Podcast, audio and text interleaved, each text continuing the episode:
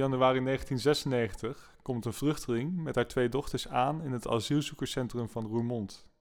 Ik ben met kinderen uh, de stad uitgegaan en met mijn vader, met de bussen, via Rode Kruis. Wij zijn eigenlijk naar uh, Australië toe vertrokken. Ik had een garantiebrief van onze familie. Maar om dat te doen moet jij samen zijn. Of moet hij ambassade in Wenen bezoeken en ik consulaat in Belgrado. Bijna onmogelijke zaak. Vandaar dat wij besloten hebben om dit op die, manier te proberen. Maar toen ik hier was, uh, ik had geen kracht om verder te gaan. Eigenlijk was ik zo moe dat mij helemaal koud liet wat er met mij ging gebeuren een paar jaren.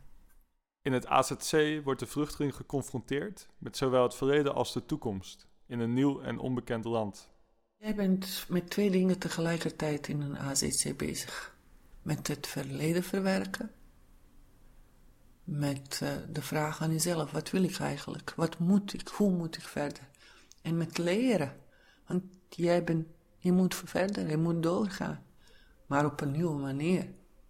Een vriendin heeft aan mij verteld ze is hier geweest en na een paar maanden is haar hond via bepaalde organisaties, het is geregeld dat haar hond hier ook uh, aan toe kwam. Ze zegt, ze kwam het vliegtuig uit. Toen ze losgelaten werd, rende ze naar mij toe. Helemaal blij om de ontmoeting, hereniging. Maar toen, zegt ze, ging ze zo verloren rondkijken. Geen geur, geen niks. Het was gewoon, wat moet ik nou? Ik denk dat wij, net als die gewoon zijn.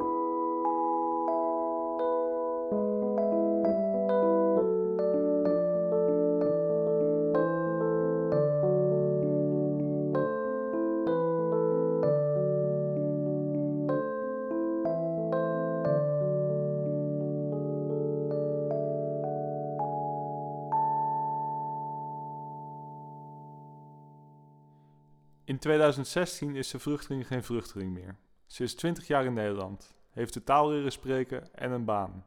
Haar naam is Biljana. Vorig jaar januari, om precies te zijn.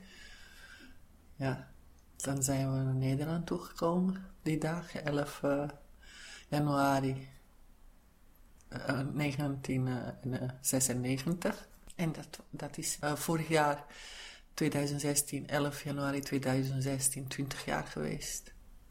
Ja, ik dacht, het is een uh, goed idee om iets af te sluiten op die manier. Dus ben ik, uh, heb ik voorgesteld aan mijn dochters om mee te gaan naar Roermond. En zo gaat Bojana met haar twee dochters terug naar de plek waar haar vlucht eindigde, het AZC van Roermond.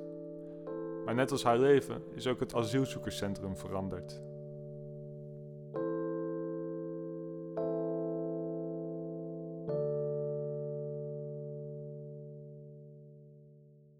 Wat meteen opvalt aan het designer Outlet Roermond is hoe alles is afgewerkt. Vuilnisbakken, perkjes met groen en de gebouwen zelf zijn tot het uiterste verzorgd. Door het hele winkelcentrum hoor je muziek. Grotere merken als Nike en Prada hebben er outletwinkels. Er is een Starbucks en op het plein staat een oliebollenkraam. Dat is tegenwoordig een winkelcentrum geworden. Outlet. Outlet, om precies te zijn. Van asielzoekerscentrum zijn een paar gebouwen over. Die zijn wel omgetoverd tot uh, mooie winkels. Maar de wasserij, voormalige wasserij en, uh, en ontvangstruimte zijn er nog. Het zijn allemaal winkels geworden, maar gebouwen zelf zijn er gewoon nog steeds. Het gebouw waar wij in zaten is tegenwoordig uh, geworden. en daar ging ik een pyjama kopen. gewoon puur.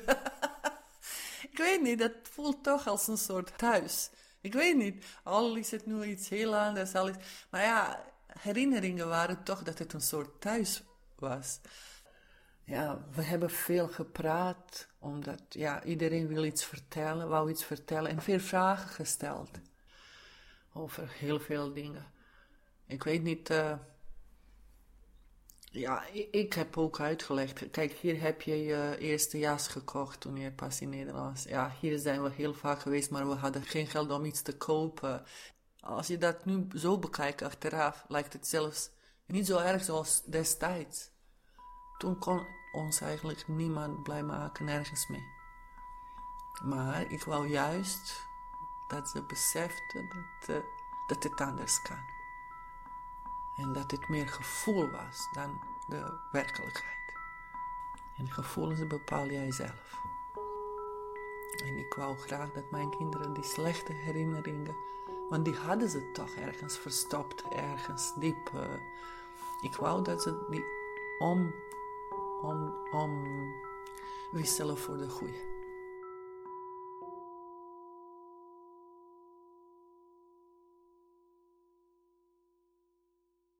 Overal op het terrein is beweging. Van winkelende mensen, maar ook werknemers.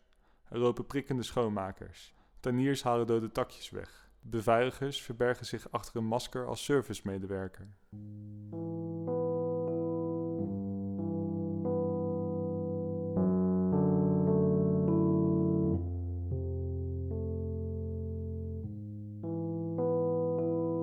Ik denk dat dit gelukt is, want we hadden zo'n tevreden gevoel s'avonds van, nou, nu is de cirkel rond. Het leven gaat door. Er is niks mis mee om een vluchteling te zijn, want dat was onze fout niet. Mijn kinderen zijn gelukkig goed in deze maatschappij geïntegreerd. Maar voor mij is het een bevestiging geweest dat ik het goed gedaan heb voor mijn kinderen, dat ze gered zijn dat ze op goede plek zijn, een onderdeel van deze maatschappij.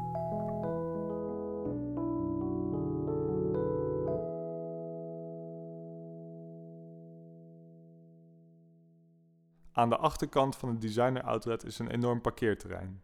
Er staan bussen waar opgewonden Chinezen uitstappen. Lopend door de menigtes hoor je hoe internationaal deze plek is. Er wordt in een wijd spectrum aan talen gejubeld over een aankoop en gezocht naar de wc's. Maar voor de rest is het ook veel veranderd. Hele nieuwe winkels, allemaal merkwinkels, merk. Een luxe. dat, dat moest ik ook. Uh, eventjes, heb, heel eventjes heb ik eraan gedacht. Wat een zielige gedoe is uh, omgetoverd in zo'n luxe, luxe gelegenheid. Ja, het is echt twee verschillende werelden. Je kan het niet vergelijken. En je kan het niet eens vergelijken. Die twee werelden kunnen elkaar niet begrijpen, denk ik.